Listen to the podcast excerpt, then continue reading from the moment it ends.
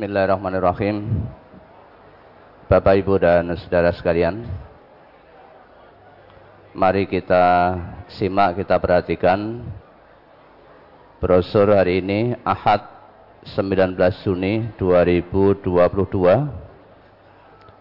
yang bertepatan dengan tanggal 9 Dzulqa'dah 1443 Hijriah dengan mengambil tema Tazkiyatun Nafas bagian yang ketiga.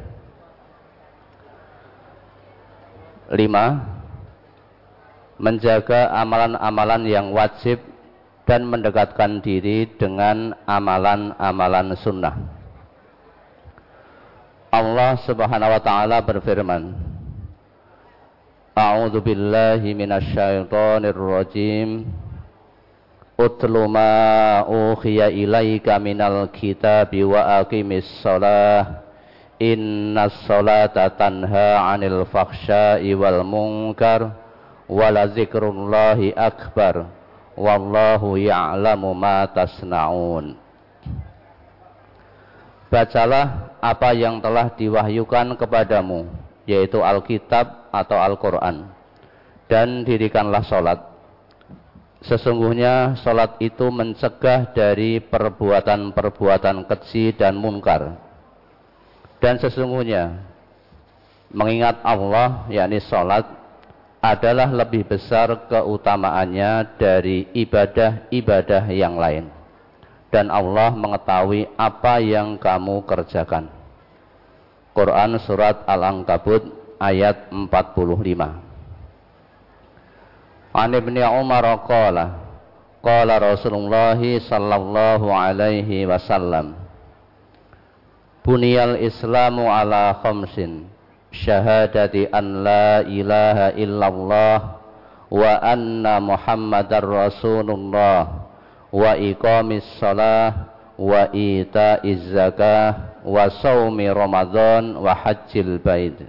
Rawahu Tirmizi dari Ibnu Umar ia berkata, Rasulullah sallallahu alaihi wasallam bersabda, Islam didirikan atas lima sendi, yaitu satu, bersaksi bahwasanya tidak ada Tuhan selain Allah dan bahwasanya Nabi Muhammad adalah utusan Allah. Dua, mendirikan sholat.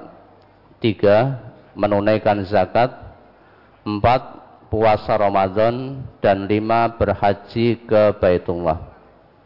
Hadis riwayat Tirmidzi juz 4 halaman 119 nomor 2736.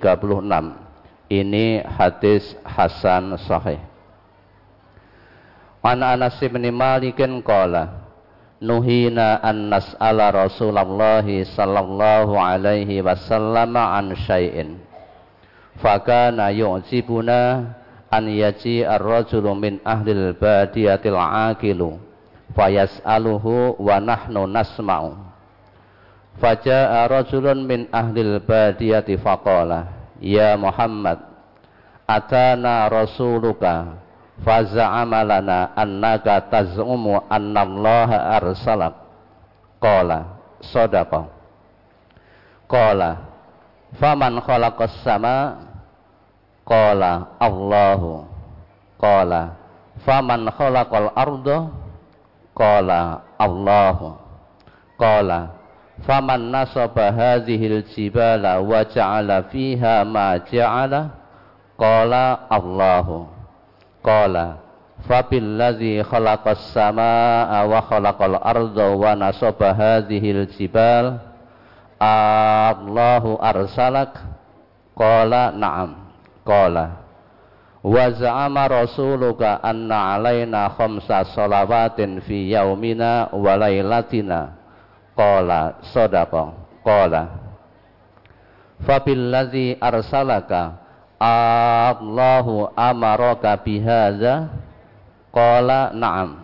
Qala. Wa za'ama rasuluka anna alaina zakatan fi amwalina qala sadaqa qala. Fabillazi arsalaka Allahu amaraka bihadza qala na'am qala. Wa za'ama rasuluka anna alaina sawma syahri ramadhana fi sanatina qala sadaqa qala. Fabilladzi arsalaka Allahu amaraka bihadza? Qala na'am. Qala. Wa za'ama rasuluka anna alaina hajjal baiti man istata'a ilaihi sabila. Qala sadaqa Qala summa walla. Qala wallazi ba'asaka bil haqqi la azitu alaihinna wala angkusu minhunna. Faqala an-nabiyyu sallallahu alaihi wasallam fa in sadaqa la yadkhulannal jannata. Rawahu Muslim.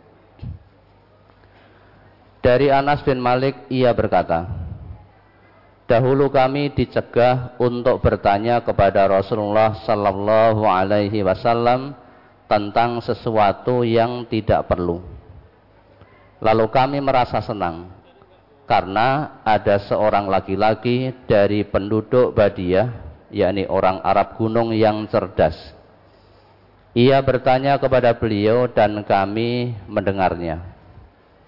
Ada seorang laki-laki penduduk Badiah datang seraya bertanya, Hai Muhammad, telah datang utusanmu menyampaikan kepada kami bahwa engkau mengatakan bahwa Allah telah mengutus engkau. Beliau sallallahu alaihi wasallam bersabda, benar. Orang itu lalu bertanya, siapakah yang menciptakan langit? Beliau sallallahu alaihi wasallam bersabda, Allah. Ia bertanya, siapa yang menciptakan bumi? Beliau sallallahu alaihi wasallam bersabda, Allah. Ia bertanya, siapakah yang menancapkan gunung-gunung ini dan menjadikan padanya apa-apa yang ada padanya? Beliau sallallahu alaihi wasallam bersabda, Allah. Ia bertanya lagi, demi Tuhan yang telah menciptakan langit bumi menancapkan gunung-gunung ini. Apakah Allah mengutusmu? Beliau sallallahu alaihi wasallam bersabda, "Iya."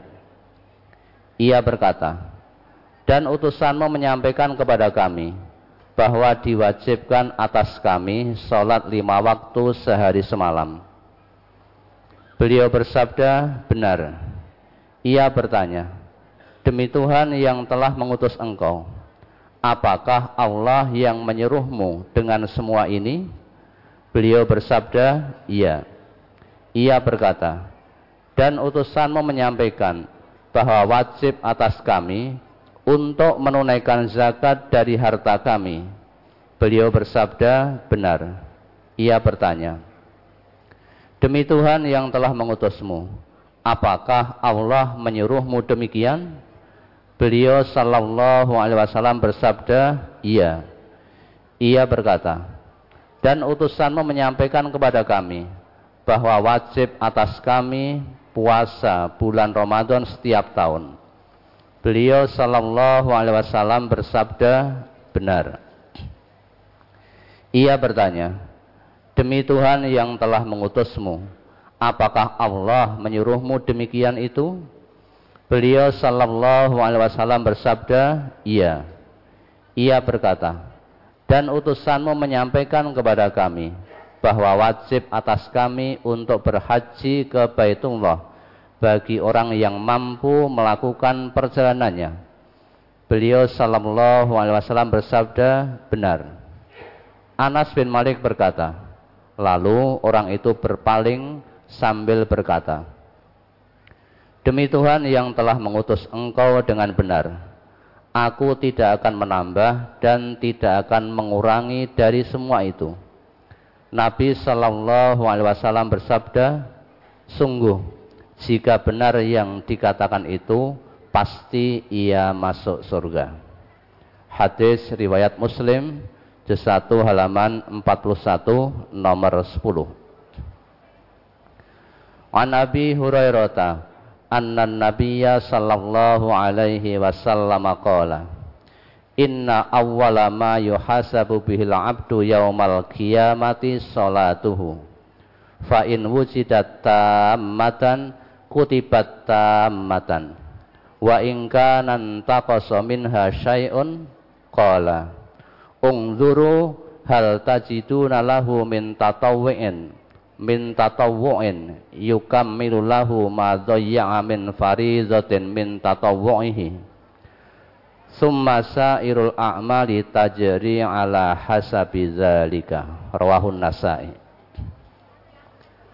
Dari Abu Hurairah bahwasanya Nabi Shallallahu Alaihi Wasallam bersabda, sesungguhnya pertama-tama perbuatan manusia yang akan dihisap pada hari kiamat adalah sholat wajibnya.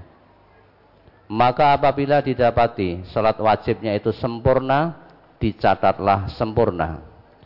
Jika didapati sholat wajibnya itu ada kekurangannya, Allah berfirman kepada para malaikat, Lihatlah, apakah kalian mendapati sholat sunnahnya untuk menyempurnakan kekurangan sholat wajibnya? Kemudian semua amal-amal yang wajib diperlakukan seperti itu. Hadis riwayat Nasai, juz 1 halaman 233. An Abi Hurairah an Rasulillah sallallahu alaihi wasallam qala Awwalu ma yuhasabu bihil abdu salatuhu. Fa in kana akmalaha wa in la qala Allah azza wa jalla ungduru li abdi min tatawwu'in. Fa in wujida lahu tatawwu'un qala akmilu bihil faridota rawahun nasai. Dari Abu Hurairah dari Rasulullah sallallahu alaihi wasallam beliau bersabda Pertama-tama perbuatan manusia yang akan dihisap pada hari kiamat adalah sholat wajibnya. Jika ia telah menyempurnakan sholat wajibnya, selesailah persoalannya. Dan jika tidak sempurna sholat wajibnya, Allah Azza wa Jalla berfirman, Lihatlah pada hambaku dari sholat sunnahnya. Maka jika ia melakukan sholat sunnah, Allah berfirman, sempurnakanlah sholat wajibnya itu dengan sholat sunnahnya. Hadis riwayat Nasai, juz 1 halaman 234. Wa Nabi Hurairah qala qala Rasulullah sallallahu alaihi wasallam Innallaha qala man 'ada li waliyan faqad azantuhu bil harbi. Wa ma taqarraba ilayya 'abdi bi syai'in ahabba ilayya mimma aftaratu alaihi wa la yazalu 'abdi yataqarrabu ilayya bin nawafili hatta uhibbahu. Fa iza ahbabtuhu kuntu sam'ahu alladhi yasma'u bihi wa basarahu alladhi yubsiru bihi wa yadahu allati yabtishu biha wa rijlahu allati yamsi biha. Wa in sa'alani la'u'tiyannahu wa la in ista'adzani la'u'izannahu. Wa ma tarattu an syai'in ana fa'iluhu taradduti an nafsil mu'mini yakrahul mauta wa ana akrahu masa'atahu. Rawahul bukhari. Dari Abu Hurairah ia berkata Rasulullah sallallahu alaihi wasallam bersabda Sesungguhnya Allah berfirman Barang siapa yang memusuhi waliku yakni orang yang selalu taat kepada Allah dan ikhlas beribadah, maka sungguh aku mengumumkan perang kepadanya. Dan sungguh hambaku mendekatkan diri dengan sesuatu amalan yang aku cintai dari apa-apa yang telah aku wajibkan kepadanya. Dan tidak henti-hentinya hambaku mendekatkan diri kepadaku dengan amalan-amalan sunnah sehingga aku mencintainya. Apabila aku mencintainya, maka aku yang menjadi pendengarannya, yang ia mendengar dengannya, dan menjadi penglihatannya yang ia melihat dengannya, menjadi tangannya yang ia berbuat dengannya, menjadi kaki yang ia berjalan dengannya. Dan jika ia meminta kepadaku, pasti aku memberinya. Dan jika ia memohon perlindungan kepadaku, pasti aku melindunginya. Dan sungguh, aku berulang-ulang melakukan sesuatu terhadap jiwa orang mukmin. Ia tidak suka kematian, sedangkan aku tidak suka keburukannya. Hadis riwayat Al-Bukhari juz 7 halaman 190. Keterangan.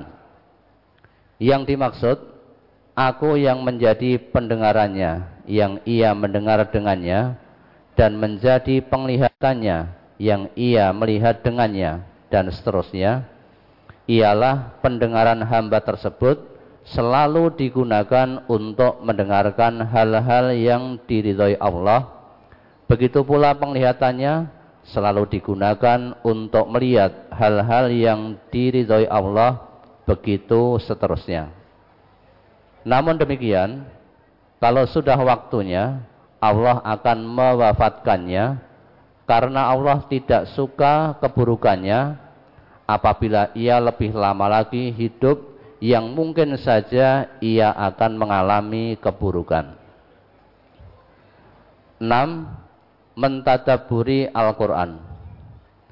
Allah subhanahu wa ta'ala berfirman, Kitabun anzalnahu ilaika mubarakul liyadabbaru ayatihi waliyatazakkara ulul albab. Ini adalah sebuah kitab yang kami turunkan kepadamu penuh dengan berkah supaya mereka memperhatikan ayat-ayatnya dan supaya mendapat pelajaran orang-orang yang mempunyai fikiran. Quran surat Sad ayat 29. Alam yakni lilladzina amanu an takhsha'a qulubuhum li dzikrillahi wa ma nazala minal haqq wa la yakunu kallazina utul kitaba min qablu fatala alaihimul amadu faqasat qulubuhum wa katsirum minhum fasiqun Belumkah datang waktunya bagi orang-orang yang beriman untuk tunduk hati mereka mengingat Allah dan kepada kebenaran yang telah turun kepada mereka? Dan janganlah mereka seperti orang-orang yang sebelumnya telah diturunkan Alkitab kepadanya. Kemudian berlalulah masa yang panjang atas mereka, lalu hati mereka menjadi keras. Dan kebanyakan di antara mereka adalah orang-orang yang fasik. Quran Surat Al-Hadid ayat 16 Ya ayyuhan nasu qad ja'atkum mau'izatum mir rabbikum wa shifaa'un lima fis sudur wa hudaw wa rahmatul lil mu'minin. Qul bi fadlillahi wa bi rahmatih fa bi dzalika falyafrahu huwa khairum mimma yajma'un. Hai manusia, Sesungguhnya telah datang kepadamu pelajaran dari Tuhanmu dan penyembuh bagi penyakit-penyakit yang berada dalam dada dan petunjuk serta rahmat bagi orang-orang yang beriman. Katakanlah, dengan karunia Allah dan rahmatnya, hendaklah dengan itu mereka bergembira. Karunia Allah dan rahmat itu adalah lebih baik dari apa yang mereka kumpulkan. Quran surat Yunus ayat 57 sampai 58.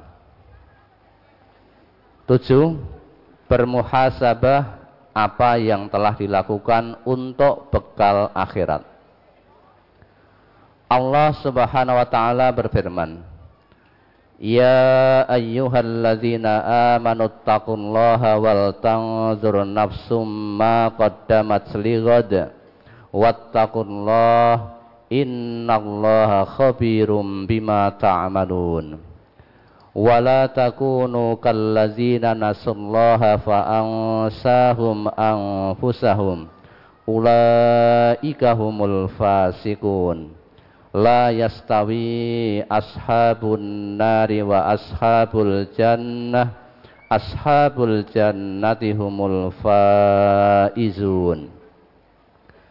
Hai orang-orang yang beriman bertakwalah kepada Allah dan hendaklah setiap diri memperhatikan apa yang telah diperbuatnya untuk hari akhir untuk hari esok yakni akhirat dan bertakwalah kepada Allah sesungguhnya Allah Maha mengetahui apa yang kamu kerjakan dan janganlah kamu seperti orang-orang yang lupa kepada Allah lalu Allah menjadikan mereka lupa kepada diri mereka sendiri mereka itulah orang-orang yang fasik. Tidak sama penghuni-penghuni neraka dengan penghuni-penghuni surga. Penghuni-penghuni surga itulah orang-orang yang beruntung.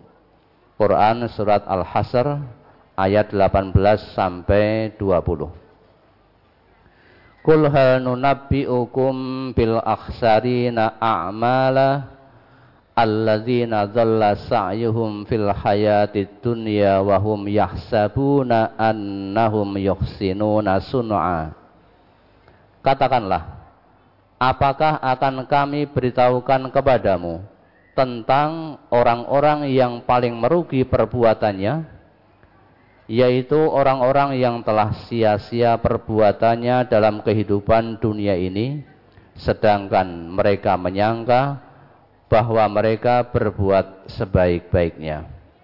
Quran surat Al-Kahfi ayat 103 sampai 104. Di dalam hadis disebutkan An Abi Barzat al-Aslami qala qala Rasulullah sallallahu alaihi wasallam La tazulu qadama 'abdin hatta yus'ala an umrihi fima afnahu wa an ilmihi fima fa'ala wa an malihi min aina iktasabahu wa fima anfaqahu wa an jismihi fima ablahu. Rawahu tirmidzi dari Abu Barzah al-Aslami ia berkata Rasulullah sallallahu alaihi wasallam bersabda Tidaklah bergerak kedua tapak kaki seorang hamba pada hari kiamat sehingga ia ditanya tentang umurnya untuk apa ia habiskan, tentang ilmunya untuk apa ia gunakan, tentang hartanya dari mana ia mendapatkannya dan untuk apa ia belanjakan, dan tentang badannya untuk apa ia gunakan Hadis riwayat Tirmizi juz 4 halaman 36 nomor 2532. Ia berkata, ini hadis hasan sahih bersambung.